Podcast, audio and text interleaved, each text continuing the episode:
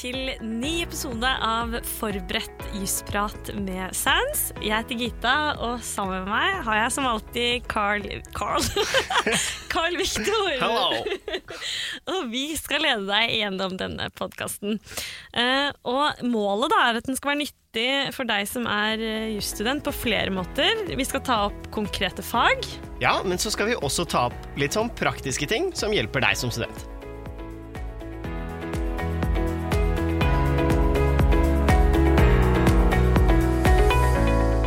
En stor del av å være jusstudent det handler jo om å få seg en jobb til slutt, og da må man jo ofte ha traineeopphold, og for å få det så må man jo finne seg innpass i noen firmaer.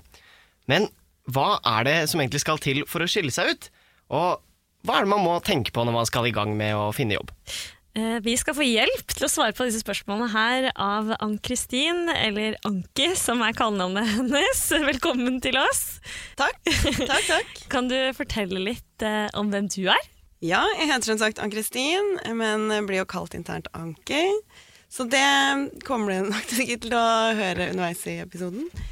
Jeg jobber som HR-manager i Sands. Begynte her i eh, juni i fjor, så jeg er ganske ny. Men har jobbet eh, med rekruttering i litt over fem år før det, men da hovedsakelig med økonomer og rekrutterte konsulenter. Mm. Eh, og har tatt en bachelor i kriminologi, så jeg kjenner godt til Domus Nova på Universitetet i Oslo, til alle som hører på fra Universitetet i Oslo. Som ikke finnes lenger. Shout-out, ja. um, og så en bachelor i uh, organisasjonspsykologi og ledelse fra Bay. Og du Anki, du har hatt foredrag om dette eh, med eh, CV og søknad, og eh, derfor er du også perfekt til å være med i denne podkasten her. For du skal hjelpe lytterne der ute med å treffe enda bedre eh, når de skal skrive CV og søknad. Fortell oss litt om hvordan du arbeider med dette. Ja, Som HR-manager så er jeg veldig mye i kontakt med studenter. Enten det er um, før de i det hele tatt uh, begynner før de i det hele tatt søker hos oss. Men også eh, når de har søkt i intervjuprosessen, men også når de er traineer, så følger jeg de opp. Så mye av deres tanker og spørsmål og ting de lurer på, både i forkant av å søke en trainee-stilling, eh, men også til å søke fast stilling etter hvert, det har jeg fått innblikk i, da. Eller litt, i hvert fall. Eh, og forstår at det er et hav av muligheter for de som er ferdig med jusstudiet etter fem år. Og det er vanskelig å peile seg inn på visse bransjer eller visse typer selskaper. Og så er det vanskelig å forstå liksom Skal jeg velge min vei her? Er kanskje ikke advokatfirmaene noe for meg?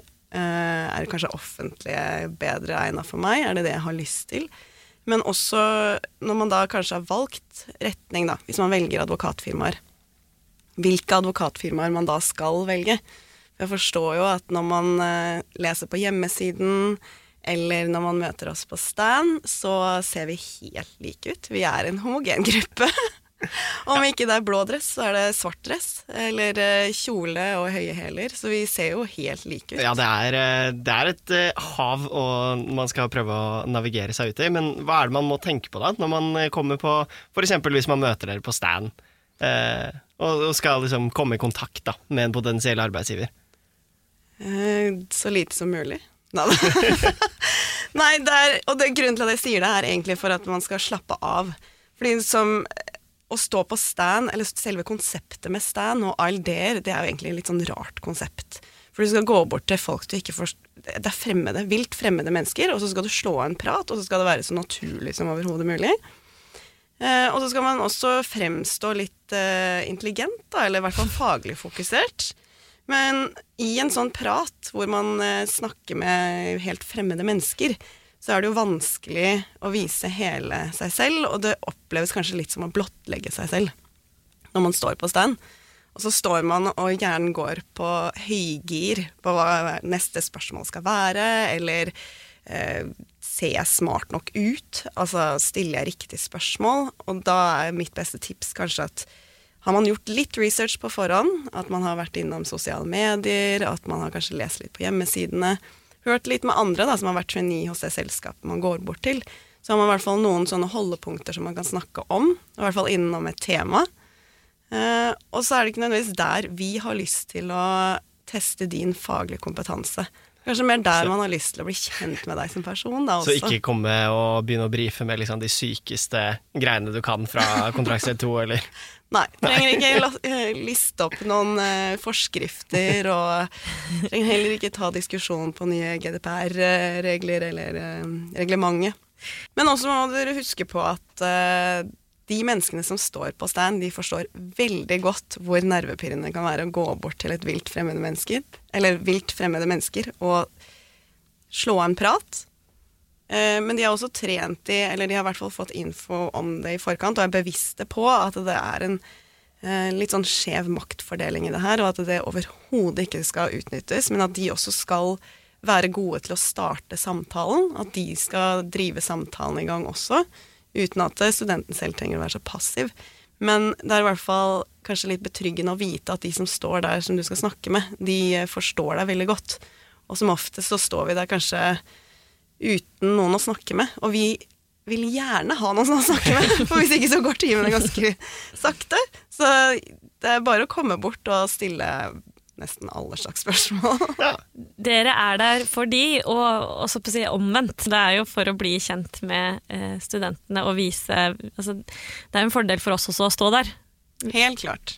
Eh, og akkurat denne delen kan vi putte inn i en slags forberedelsesfase, som jeg vet at du, Anki, eh, eh, du har delt opp denne søknadsprosessen i noen deler. Ja.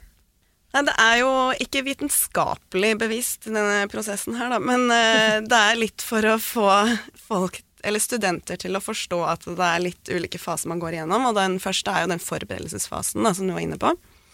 Eh, og i forberedelser så opplever jeg kanskje at ganske mange undervurderer den.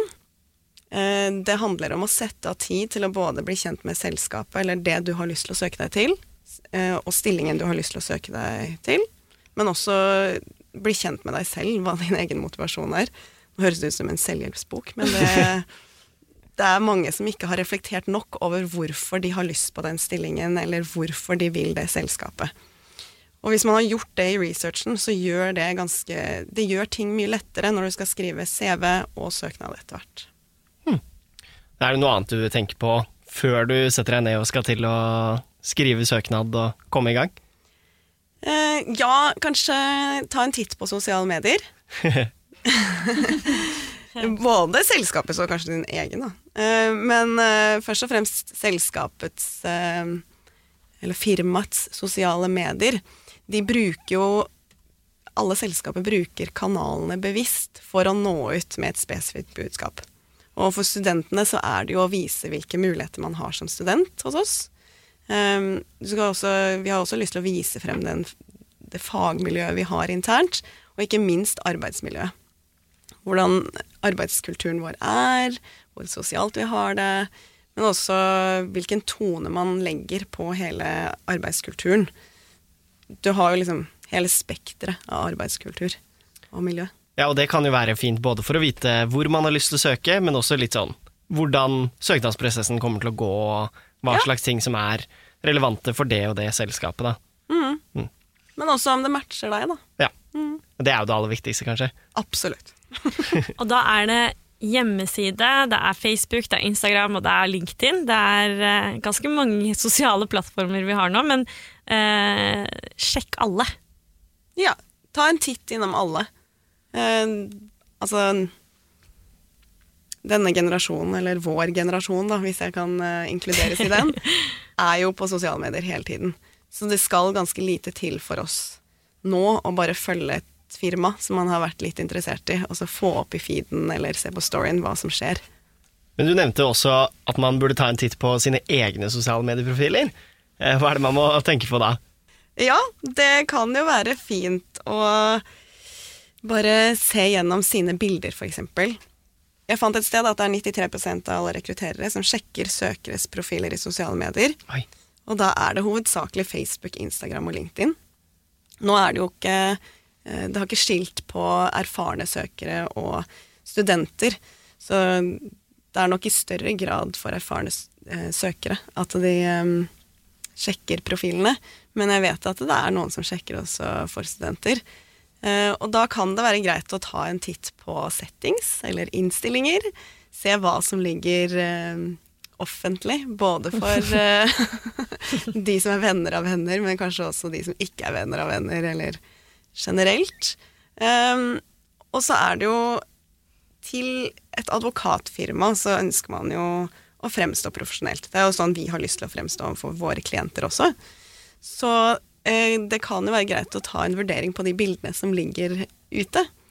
Og hvis man skal være advokat etter hvert, så er det kanskje noen bilder som ikke tåler eh, dagens lys, da.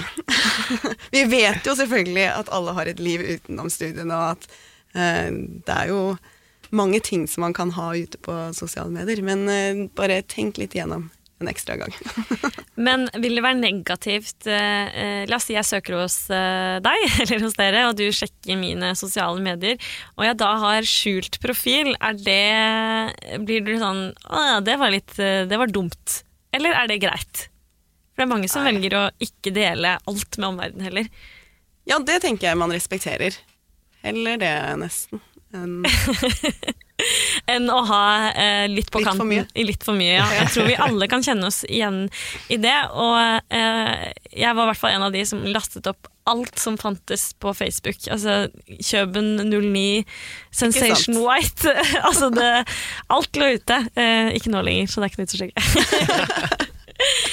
Men bare for å kort oppsummere denne første punktet her, så handler det om research. Eh, Ja. Hvorfor søker du? Eh, hvordan matcher du stillingen, og eh, hvordan matcher du selskapet? Mm. I tillegg til de sosiale mediepunktene, da. Og så, når du da er ferdig med å gjøre dette forarbeidet, så skal du jo i gang og ta kontakt, da. Og da setter man seg ned og begynner å skrive CV, hvis man ikke har gjort det, eller oppdatere hvis man har det fra før. Hva er det man må tenke på da? Med Med en CV så tenker jeg det, Altså, det finnes jo Jeg googlet, og det er 16,3 millioner treff på bare CV-mal. Det er jo et hav av CV-maler, og jeg sier ikke at det finnes én universell CV-mal som man skal bruke til alle stillinger, uansett og når som helst, men det handler jo litt om å bruke en CV-mal som passer til det du søker deg til. Så til de stillingene som jusstudenter kommer til å søke seg til, så vil jeg tro at de aller fleste stillingsutlysningene der ute, da er det annet strukturert, som er en av eh, personlige egenskaper som man ser etter. Da. Og hvis du skal bevise litt underveis at du er strukturert, så handler det også om å finne en CV-mal som kanskje ikke er den mest fancy med masse blomster og uttrykk og eh, farger, men at det er noe som rolig Som gir et ganske rolig inntrykk. Og som er lett for deg å strukturere i, da. Så det er vel kanskje det som er tipset mitt når det gjelder å velge CV. Og så kommer det til å skrive den, eller fylle den ut. Og da handler det jo igjen om struktur. Skal, der beviser du virkelig at du er litt strukturert da, i måten du setter opp eh, tekst på. Og da er det blant annet at eh, kontaktinformasjon det er ofte øverst. Er veldig nyttig. Det er eh, veldig lett å legge merke til det. Hvis du skal bli innkalt til intervju, så har vi telefonnummeret ditt med en gang. Eh, at du har tydelige underoverskrifter i eh, CV-en din, som f.eks. utdanning og arbeidserfaring, verv, som er sånne typiske hovedtemaer, eller hovedbolker. Og at du passer litt på linjer og innrykk i selve CV-en. Sånn at eh, det er noen som ikke er så stødige på Word. Så hvis man velger en CV-mal, så kan det i hvert fall hjelpe deg litt på vei til å holde all tekst på samme linje og med samme innrykk. Hold den ren og pen. Ja, Mm. for det gjør jo at vi kan finne det vi leter etter, raskt. For eh, det er også eh, ofte at man, i hvert fall etter ALD, eller i forbindelse med ALD, så får man veldig mange CV-er, og så skal man gå igjennom på veldig kort tid. Eh, og så er det litt sånn for rekrutterere, eller de som har gått gjennom mange CV-er, som for studenter på Eller når de leser til eksamen. Etter hvert så kan du strukturen i kapitlet, så du skummer igjennom, du vet akkurat hva du skal lese, lete etter. Og hvis du da er konsekvent og har en struktur på CV-en din, så er det mye lettere for oss å finne fram ganske kjapt og liksom fokusere på det som er viktig for deg å trekke frem. Da. For hvor lang tid bruker dere egentlig på å eh, se på en CV? I forbindelse med ALD så går det ganske kjapt, altså. Jeg så en studie hvor de hadde registrert øyebevegelsene til rekrutterere, og at de mente det tok 7,4 sekunder før de dannet seg et inntrykk. Jeg ble selv sjokkert over at jeg bruker så lite tid. Men det er nok førsteinntrykket mitt sånn umiddelbart, og så må jeg begynne å gå igjennom sånn Ok, når jobbet du der? Hadde du et friår? Altså få en tidslinje på ting. Ja. Og så forstå hvilke fag er det vedkommende har tatt. Eh, betyr det at de kommer til å ta det og det valgfaget snart, eller har de tatt det? Så det er litt sånn logisk tenkning med å gå gjennom CV-en også. Det tar kanskje litt lengre tid enn 7,4 sekunder. det kan jeg garantere. Men det går veldig fort. Skal man, eh, skal man ha med alt i CV-en, eller eh, skal man skrive liksom fulle setninger hele tiden, eller hvordan er det stikkord Hva tenker du? Top of mind så tenker jeg stikkord. Det er fint å korte det ned så mye som mulig. Nå sier jeg ikke at alle CV-er skal være kun på én side, for det er jo vanskelig å få ganske mye på én side. Men så lenge man klarer å um, streke vekk, eller ta vekk fyllord, som ikke gir så veldig uh, mye nytteverdi, så sånn typisk en lang beskrivelse av um, fagene man har tatt, eller at man tar med alle fagene som er gjennomført på studiet, det trenger man ikke. Du kan f.eks. til oss trekke frem de viktigste privatrettslige fagene. Eh, og så heller ikke sånn typisk på verv, at det er ganske mange som beskriver hva vervet går ut på. Hvilke sånne mindre oppgaver man har hatt i selve vervet. Men da kan man også ta litt for gitt at vi som leser CV-ene, vi vet i veldig stor grad hva det går ut på. Og som regel så er det jo ikke bare jeg som leser gjennom CV-en alene, men jeg har også med meg en som har gått på studiet fra før. Så de vet hva de ulike vervene inneholder og innebærer, hvor mye tid det tar, men også sånn hvordan studieoppsettet på de ulike skolene er, f.eks. Ja.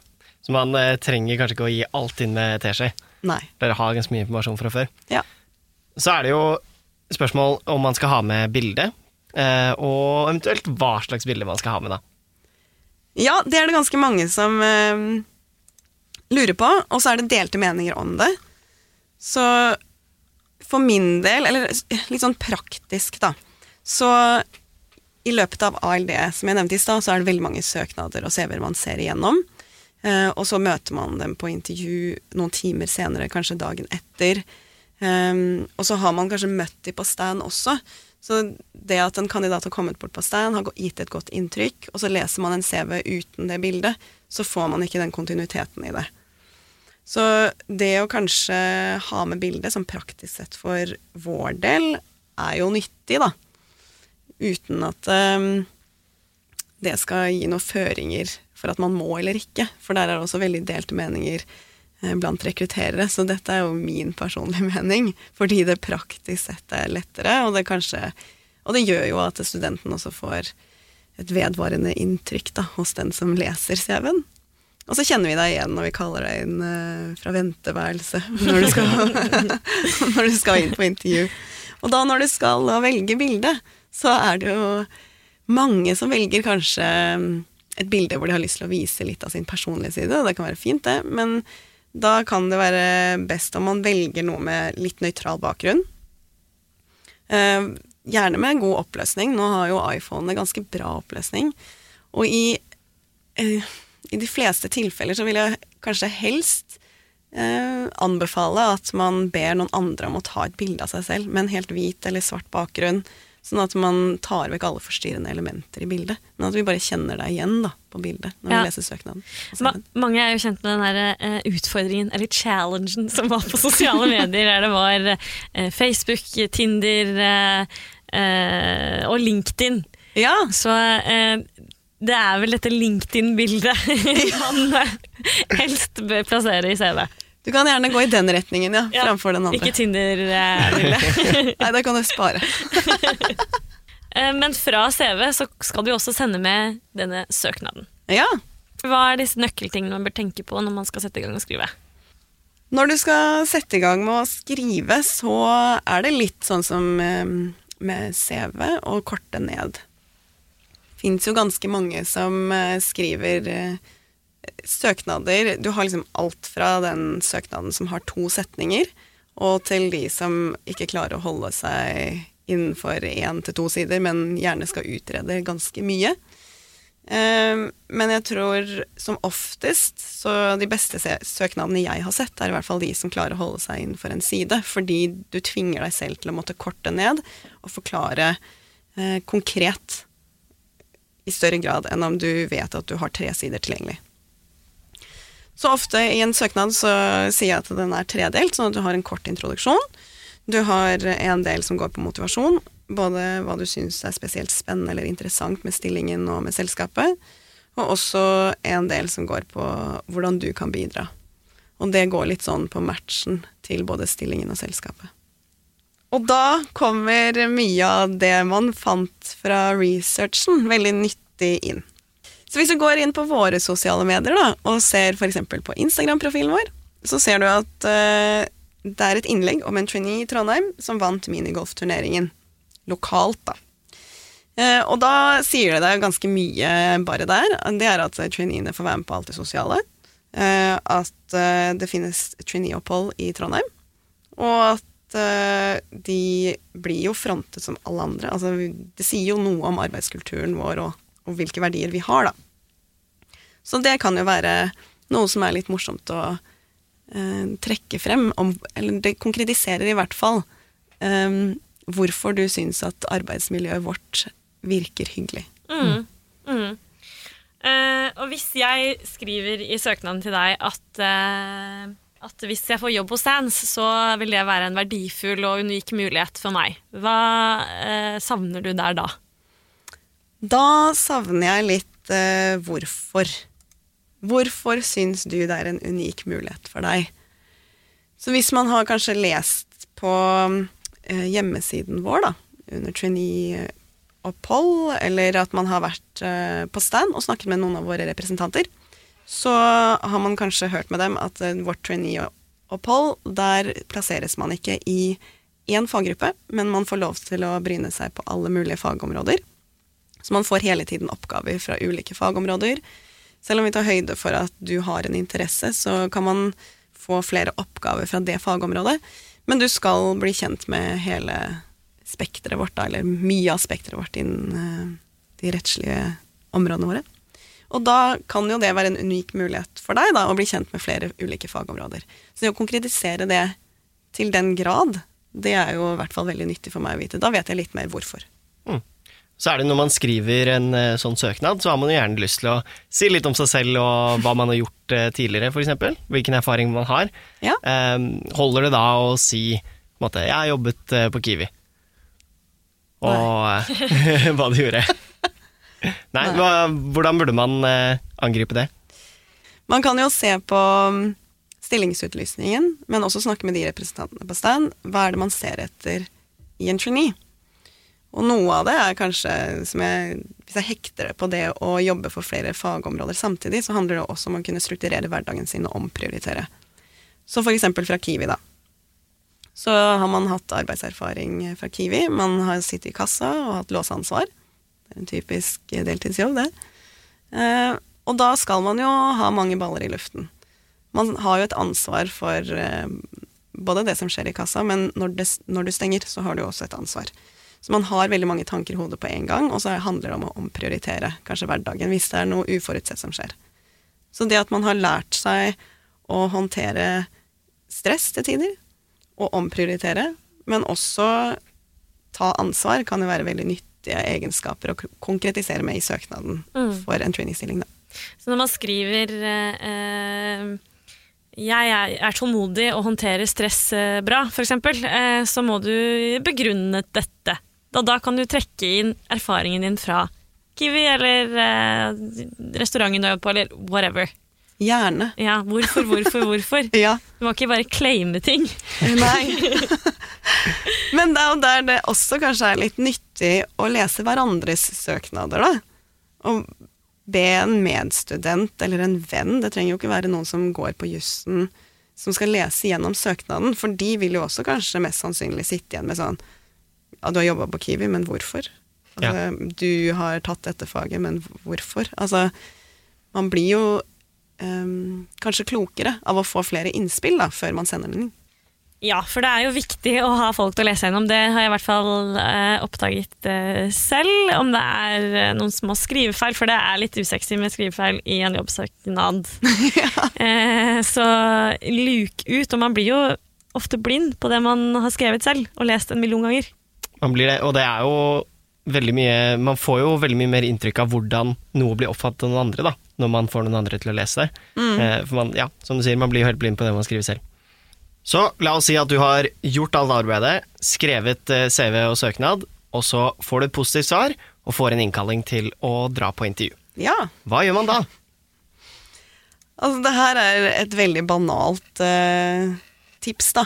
Men det er å finne ut hvor intervjuet skal være. Fordi etter alle intervjuene jeg har hatt, så både erfarne og med studenter, så kommer de heseblesende inn. De er stressa fordi eh, Google Maps ikke funka akkurat der og da. Eh, Villedet de. Og det er så unødvendig å komme løpende for din egen del mest å være stressa og svett når du starter et intervju, for det kan være nervepirrende nok i seg selv. Kanskje verdt å dra hjemmefra i god tid også. Det er også et godt tips. Dra hjemmefra i god tid, men du, du trenger ikke å ta sånn prøverunde. Nei. Men uh, la oss si, da, jeg veit hvor jeg skal, dette har jeg sjekket opp. Uh, Ja. Nå er jeg hos Sans. Så bra. Hva, ja, deilig. Hva, skal, uh, hva er min rolle, selvfølgelig, annet enn at jeg skal svare på spørsmål fra dere? Men hva er viktig å tenke på i selve intervjusettingen? I selve intervjusettingen så tenker jeg ut ifra sånn som jeg har møtt veldig mange kandidater, så er de veldig nervøse de første fem minuttene. Så det å huske å puste litt um, Det er en klisjé, men det er så sant. Uh, og kanskje la deg selv få lov til å snakke litt om deg selv som person. Hva du gjør på fritiden. Eh, fortell en historie som gjør at du klarer å Selvfølgelig en veldig kort en, da, fordi på ALD så har man kanskje eh, maks en halvtime. Du har ganske korte intervjuer på ALD til å gi et inntrykk av deg selv. Men det er jo totalpakken man hele tiden skal vurdere, da. Ikke nødvendigvis bare den faglige delen og hva du har gjort av erfaring, men, eller fått med deg av erfaring, men også deg som person, om du matcher inn i vårt selskap i arbeidsmiljøet vårt òg. Så finn noen måter som kan gjøre at du demper den nervøsiteten litt, og kommer litt ut av skallet. Eh, Kanskje ikke tenke for mye på den profesjonaliteten som man må fremstå med i intervjuet. Men bruk eh, ett til to minutter på å fortelle enten en anekdote Og nå kommer sikkert mange til å bli super, for da bruker du opp verdifull tid på noe annet. Men det gir i hvert fall et litt mer avslappet rom for kandidaten til å tenke. For hvis ikke så blir man Jeg har i hvert fall opplevd at ganske mange blir forknytt i intervjuet, og da slår det helt andre vei. Da går det heller ikke så veldig bra. Dessverre. Burde man spørre om noe selv? I så fall, hva er gode spørsmål å stille, stille dere? Ja, du må gjerne spørre, for det viser jo litt interesse. Men eh, man kan jo spørre om eh, enten følge opp det som har blitt eh, fortalt på stand, eller at man følger opp noe av det som du har funnet i researchen din, hvis det er noe man lurer på. Men også spørsmål rundt eh, hva vi forventer av en trainee, f.eks. Det tror jeg ikke så mange eh, er klar over. Ikke at det er eh, skummelt å være trainee, men det er noe med å ha en forventningsavklaring, da. Mellom eh, de som starter som trainee og oss. Og så er det jo mange andre spørsmål som kanskje går mer på et sånt refleksjonsnivå, annet enn sånn Hva er kleskoden? Jeg skjønner at den er ganske viktig å få innblikk i, men som ofte så ser man jo det på stand, ut ifra hva folk har på seg der. Men noe som kanskje trigger litt vår refleksjonsevne. Hvorfor trives du i selskapet? Har du vært eh, trainee? Har du noen erfaringer å dele med meg? Hva er ditt beste tips til meg nå fremover? Og så er det jo rett og slett sånn at dette er jo ting man har veldig litt peiling på når man er student. Altså hvordan det er å være trainee og hele den pakka der. Så det er, Ja. jo, det er jo bare nyttig å få svar på også. Ja, I tillegg til å være eh, gode intervjuspørsmål. Ja. Det er jo sjelden noe er dumt, eller sånn du, De fleste spørsmål er berettiget, liksom. Du, ikke overtenk hvis man lurer på noe. Bare skyt, skyt ut. Helt enig. Og det er jo vår Altså, vi vet at det er mange som lurer på mye. Så det er din mulighet til å få svar på spørsmål. Så det er nok en klisjé. Ingen spørsmål er for dumme. Men så kommer vi jo ikke helt unna den her faglige biten, eh, og det er jo det store holdt på å si skinnende spørsmålet som Rosa er der ute. Ja. som veldig mange lurer på, er jo dette med karakterer. Eh, Hva slags karakterer man må ha, eh, eventuelt hvor man må ha de. Ja. Og det er fordi konkurransen er jo høy. Det er en eh, Det er det jo, dessverre. Men når det er sagt, så er jo det diplomatiske svaret som alle selskaper sier, og det er at eh, vi vil gjerne ha bra karakterer, men vi ser også på totaliteten av alt annet de gjør. Mm. Og selv om det er ja, Det blir repetert gang på gang, men det er også sant. Så når det gjelder karakterene, så ser vi jo på det som er mest relevant for oss. Sånn typisk de privatrettslige fagene. X-fil og X-fag blir kanskje ikke lagt så mye vekt på. Gjør du det bra der, så er det jo det gøy, det òg. Men eh, det er, det er ikke det vi ser på først, da. Og så handler det jo om etter hvert når man har valgt valgfag, hvis man har lyst til å gjøre det bra, så er jo tipset mitt å velge noe du brenner for eller du syns er interessant, framfor å velge noe du tror at vi som selskap har lyst til at du skal velge.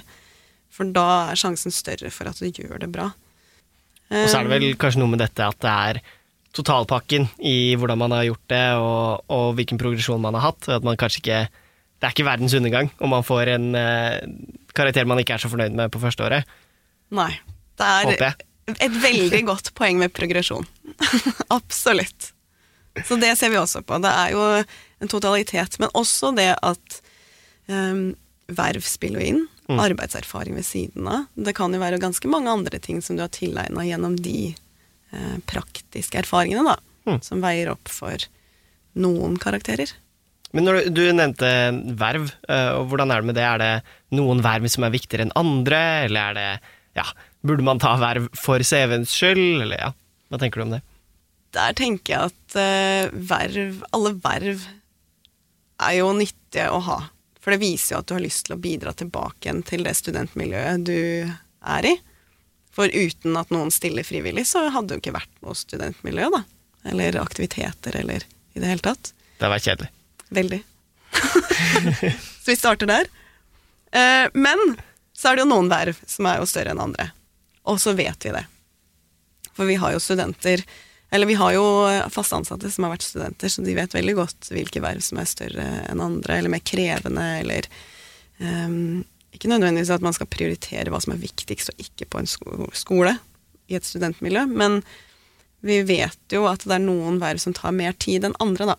Så jeg vil jo si at det er noen verv som man legger mer vekt på, uten at jeg skal spesifisere hvilke. Men også hvis man klarer å anvende vervene eh, litt sånn som vi snakket om i stad, med søknaden. Hvorfor? Eh, og eh, har du ledererfaring eller har du vært markedsansvarlig, eller så er det et eller annet å plukke fra det uansett. Ja. For det er ikke bare å ha verv for å ha verv. Men hvis man har eh, noen hull, og f.eks. man har tatt jusstudiet på lengre enn normert tid, eh, og det er jo kanskje noe som eh, mange opplever, er det et problem? Nei, det vil jeg ikke si. Vi har jo ganske mange traineer inne som da f.eks. har tatt et halvår fri for å fylle det med kun traineeopphold. Og da har de ofte måttet forlenge studieløpet sitt med et halvt år. Og da er man jo plutselig oppe i fem og et halvt år da, på jusstudiet som vanligvis skal være fem år. Eh, men det er jo andre som også tar, i tillegg til et halvt år fri for å jobbe som trainee, et praktikantopphold i utlandet, jobber kanskje et helt år fast et sted som er relevant for utdanningen. Så det er mange muligheter man har underveis i studieløpet også, som gjør at man ikke blir ferdig på normert tid. Og jeg tenker, eh, har man begynt rett etter videregående, og er ferdig med jusstudiet etter fem år og er 24 år, så har man fortsatt mulighet til å bruke litt tid på studiet underveis. Fordi eh, det er ikke så lett å få permisjon til å backpacke eller eh, oppleve ting da, som eh, gjør det Eller livserfaring. Det er jo det jeg kan snakke ut ifra. Ja. At eh, det er en sånn modningsprosess også for folk som skal ut i arbeidslivet. Det kan jo være at noen eh, nailer det med en gang, mens andre trenger jo litt mer tid. Da. Og det å bruke ja, tid på å komme seg inn i arbeid, eller trainee-opphold, som jeg sa i stad, og praktikantopphold i utlandet, utveksling Virkelig bruke den tiden, da.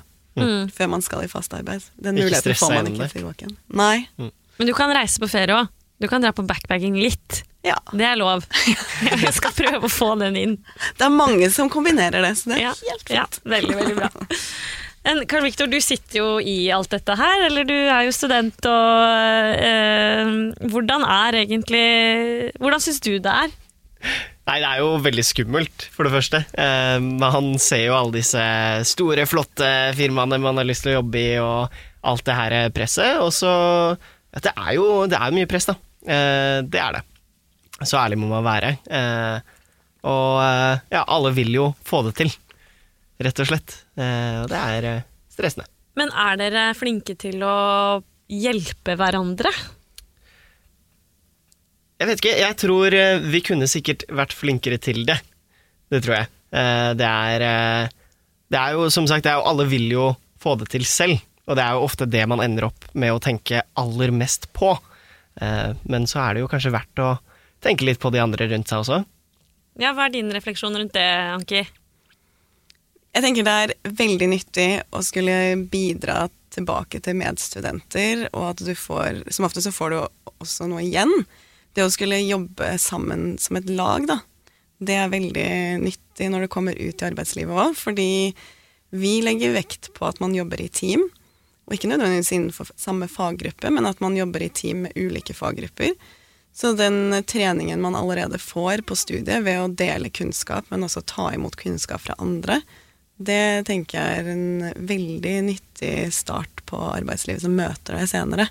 Fordi det forbereder deg til å samarbeide både med de du liker veldig godt, men også kanskje de du kanskje ikke henger med på daglig basis. Og det er tenker jeg, kjempeviktig når du skal jobbe som advokat i en av disse store firmaene. Hvis det er det du ønsker, så er det en relasjonsjobb også. Du skal jobbe med folk. Helt klart. Og kanskje mer og mer etter hvert. Man er jo en rådgiver både for klientene, men også kanskje etter hvert når man blir eh, mer erfaren, så blir man jo også en fadder, man blir en personalansvarlig. Man har ganske mange å følge opp og ha en relasjon til etter hvert. Så det å allerede tenke på de relasjonene og ikke sitte på sin egen tue i så stor grad, det kan være fint allerede i studietiden. Del kunnskapen, dere. Åh, så deilig. Så deilig å høre. Og med det så, så kan vi rett og slett si punktum, kan vi ikke det? Det tenker jeg. Takk for meg. Takk for at du var med, Anki. Du er en fryd å snakke med. I like måte. Eh, Hvis du der ute har noen eh, spørsmål eller til, tilvendinger, det er ikke det man sier, spørsmål eller innvendinger, så send det til gsi at sans.no. Ha det! Ha det bra. Ha det!